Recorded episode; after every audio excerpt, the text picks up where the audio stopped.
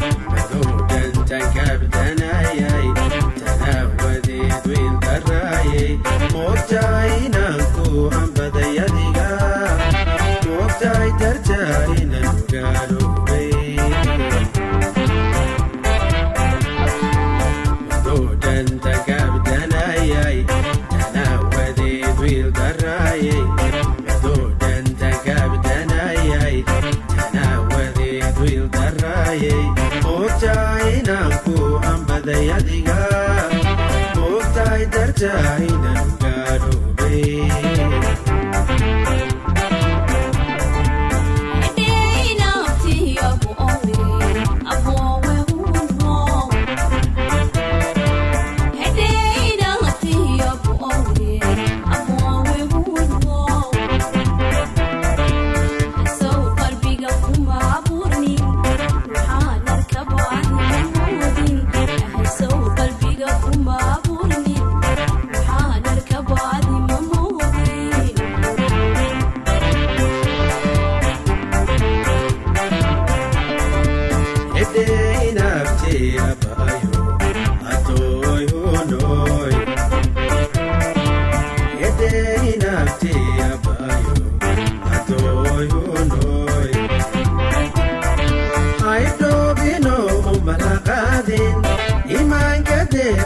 வாழ்வை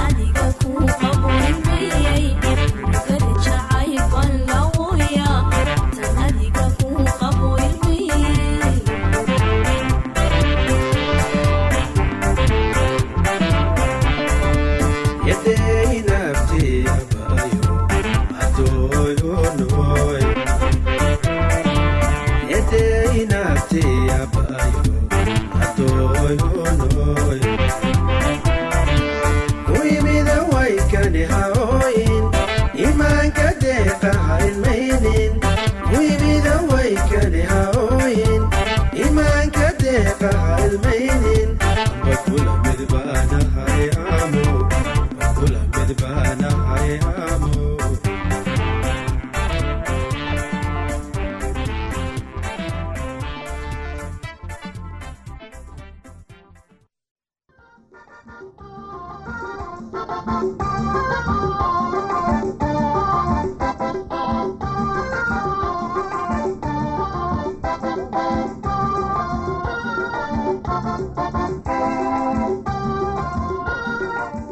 dhageystayaasheena qiimaha iyo qadarinta mudano halkan waxaad noogu soo dhawaataan barnaamijkii aada hore nooga barateen ee caafimaadka. Bal ugu horeyntii aan ka hadalno qoys kasta iyo xaafad walba waxaa looga baahan yahay qoys walba waa in ay haystaan daawooyin ay u isticmaalaan wixii kadis ah ee ku yimaada qoyska. Inuu haystaa sanduuq dawo oo ay ku jiraan daawooyinka gargaarka hore bukaanada sahlan iyo dhibaatooyinka caafimaadka ee caadiga ah. Waxaa loo baahan yahay qof xilkas ah oo ka mas'uul ah sanduuqa daawada sida qof caafimaad kaga shaqeeya macalin ama qofkii dadka aaminsan yihiin.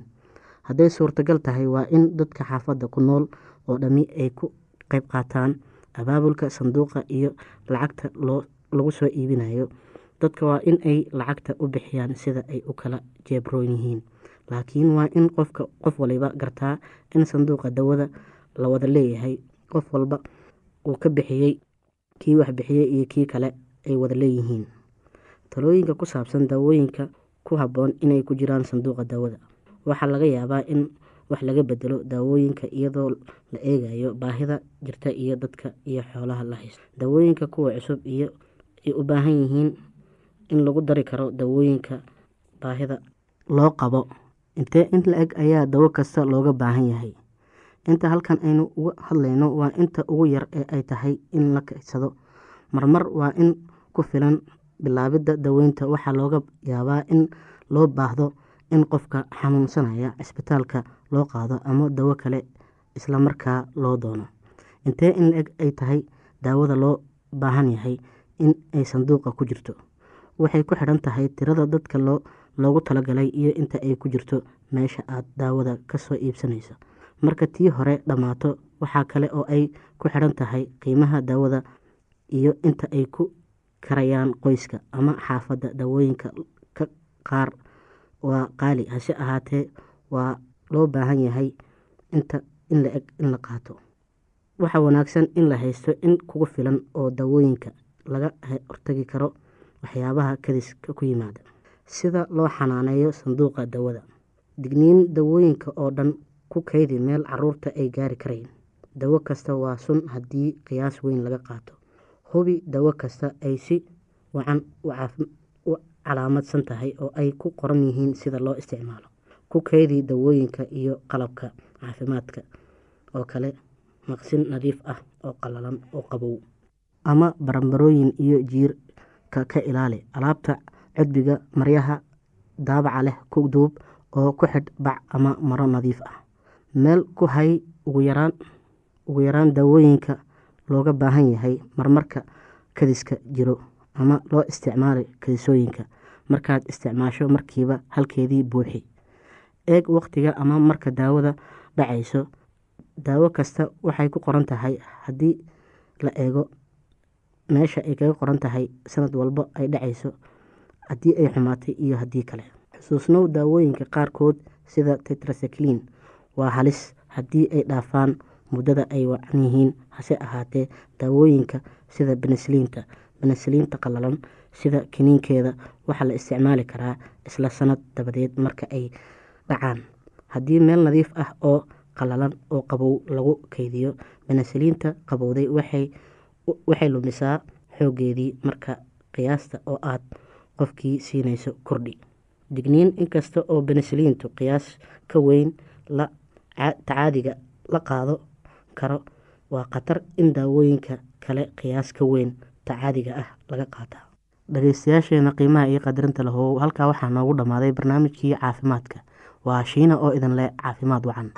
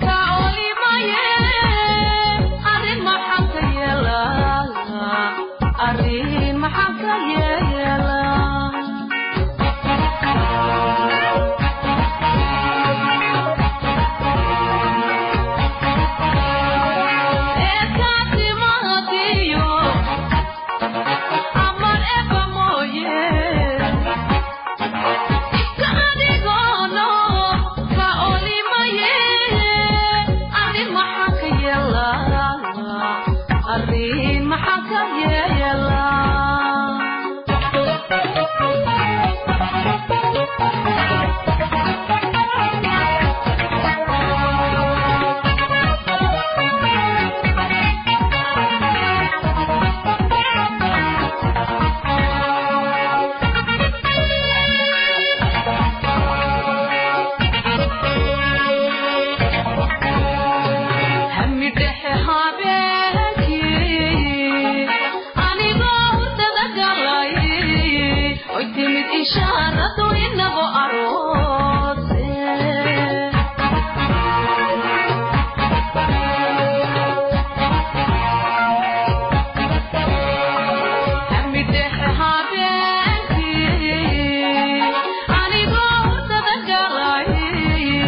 timid ishaaradu inagu aroose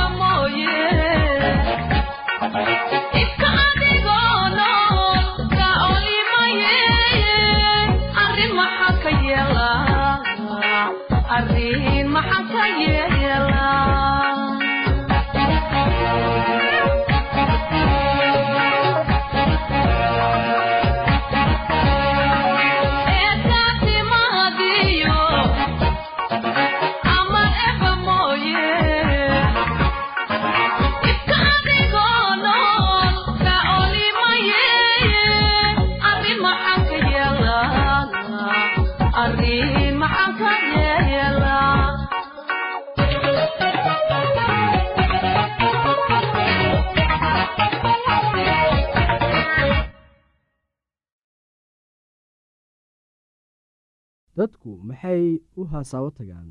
Adiguse maxaad u hasaawo tagdaa haddii aadan weliga hasaawo tegin maxaad u jeceshahay inaad hasaawo tegdid haddii aad hadda ka hor hasaawo tagday maxaad u hasaawo tagday waa maxay sababta ay dadku u hasaawo tagaan? Ujeeddada hasaawo tegiddu waxay ku xidhan tahay natiijada ka soo baxda xidhiirkan uma hasaawo tegaysid oo keliya maxaa wacay saaxiibada ayaa sidaa sameeya ama waad qaangaartay ama qof ayaaba kaa codsaday? Waxaa wanaagsan inaad ka fikirtid sababta aad u hasaawo tegaysid sabab badan oo caqligal ah ayaa ka dhigan karta sabab aad u hasaawo tegaysid tusaale ahaan waxa aad u hasaawo tegaysaa si aad u wanaajiso oo aad u koriso dabeecaddaada.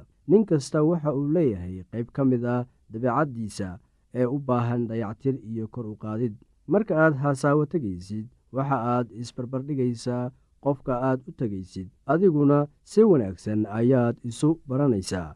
Waxa aad ogaanaysaa meelaha aad daciifka ka tahay iyo meelaha aad ka ad adag tahay. Cilmiga aad halka ka helaysid aad ayuu ugu qiimo badan yahay. Caawitaanka uu kaa caawinayo inaad baratid habka la isula barbardhigo dadka kale. Mar allaale marka aad qof cusub u hasaawo tegdidba waa inaad barataa waxa adiga kugu saabsan iyo sida dabeecaddaadu u taabanayso qofka aad u hasaawo tegaysid sabab kale oo aad u hasaawo tegaysid ayaa iyana waxay noqon kartaa inaad baratid oo aad fahamtid qofka aad u hasaawo tegaysid hasaawuhu waxa uu waddada u xaarayaa inaad fahamtid dabeecado kala duwan dooq iyo dhibaatooyin kale oo ku saabsan qofka aad wada hasaawaysaan kuwaasoo aadan fahamteen haddii aadan hasaawo tegin aqoon-yahaniinta qaar ayaa waxay qabaan in qofka marka uu jiro sagaal iyo toban sano ay dhici karto inuu hasaawo tago ugu yaraan lix qof. Hase yeeshee taa iyada ah waxay ku xidhan tahay meesha uu qofku ku nool yahay. Sabab kale oo uu qofku u hasaawo tegi karo ayaa waxay tahay isaga oo doonaya inuu buuxiyo jacaylka dabiiciga ah ee bini'aadamka. Qof kasta oo bini'aadam ah ha qirto ama yuusan qiran waxa uu u baahan yahay xiriir ku dhisan jacayl kaasoo uu ka helayo bilaash isaguna uu bilaash ku bixinayo. Hasaawuhu waxa uu xirfaddan ka yeelayaa mid korta hase yeeshee waxaa run ah in jacaylka uu bini'aadamku u baahan yahay laga wada heli karin haasaawaha ama guurka. Qofku wuu hasaawo tegi karaa isaga oo doonaya inuu helo raaxo farxad iyo mushaaxid shaqada oo keliya oo aanay marar la socon wax ciyaar ah waxa ay kuu keenaysaa dabeecad daharan oo mugdi ah hasaawe ku dhisan nolol abuureed. Waxa uu fursad wanaagsan uu siinayaa qofka in wakhti la qaybsado mid uu jecel yahay oo uu danaynayo waxa ay buuxinaysaa baahida wakhtiga nolosha ee uu qofka dhallinyarada ah u baahan yahay marka uu doonayo inuu wakhti la yeesho saaxiibadiisa nasto oo uu wakhti raaxo iyo ciyaar yeeshto sababta ugu weyn ay dadku u hasaawo tagaan ayaa waxa ay tahay iyaga oo raadinaya qofkii ay mustaqbalka guursan lahaayeen. Boqolkiiba boqol waxay u badan tahay inaad guursato qof aad u hasaawo tegi jirtay. Mar kasta oo aad hasaawo tegaysid ha kordhiso xirfaddaada si go'aankaaga ugu dambeeya ee guursashada uu u noqdo mid cilmiyeysan oo aad qofka kale ee aad guursan rabtid ka raadinayso dabeecadaha aad ka doonaysid si ay u jiraan sababa caqli gal ah oo ay dadku u haasaawaan sidoo kale waxaa jira dad haasaawo doonta iyagoo ay ku jirto fikrado iyo sababo qalad ah. Sababahan qaladka ah waxa ay u badan yihiin kuwa ay hor socoto iimaan xumo allah waxay doonayaan inay qofka kale isticmaalaan si ay baahidooda u kaafiyaan. Waxaa laga yaabaa in gabadha ay caways u raacdo nin aan xitaa liiska ugu jirin maxaa wacay? Waxaa laga yaabaa inuu leeyahay lacag oo uu wato baabuur quruxsan. Qoftu ma xiisaynayso ninka laakiin waxa ay rabto waa lacagta iyo inay ku raaxaysato baabuurkaas quruxsan. Dadka qaar hasaawo tegiddu waxay u isticmaalaan inay la kulmaan qof iyaga dib u dhac u keenay ama qalbijab ku riday. Daa'uud iyo maryan waxay isu hasaawo tegayeen lix bilood.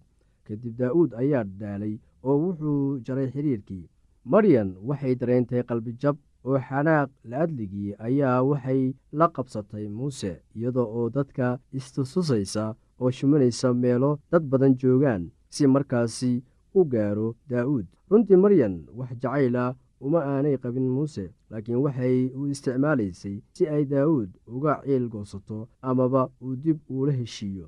Inaad la haasawdo qof adiga oo dan ku wataa runtii waxay la mid tahay adiga oo qofkii cunaya. Xitaa mararka qaar inaad haasaawo samaysid si aad u ciil baddo. Qof kale runtii waa la mid iyaduna. Dhegeystayaal ku soo dhawaada barnaamijkeena radio seven soomaali maanta waxaan ka hadli doonaa sida loo qaado ameenbaha ameenbaha ayaa qofka ka galaa afka ama sanka. Wuxuu raacaa candhuufta ama luqmada ama cabitaanka wuxuu markaasi tagaa caloosha calooshu wuxuu uga gudbaa mandhicirka halkaasi ayuu degaa kuna tarma. Boogo ayuu u yeelaa mandhicirka dhiigga afkana wuu jaqaa. Muddo kadibna wuxuu raacaa saxarada kamase dhammaado mandhicirka iyadoo la dilo oo keli ayaa lagaga dhammaan karaa mandhicirka waa inaad daawo qaadataa markuu ameenbaha kugu dhaca oo aada la xiriirtaa dhakhtarkaaga si uu kuu baaro oona loo xaqiijiyo in uu ameenbaha kugu dhacay. Haddii aad qabto wax su'aalaha fadlan inala soo xiriir. Ciwaankeenna waa radio somaly at yahu dt com. Mar labaad ciwaankeenna waa radio somaly at yahu dt com. Barnaamijyadeena maanta waa naga intaas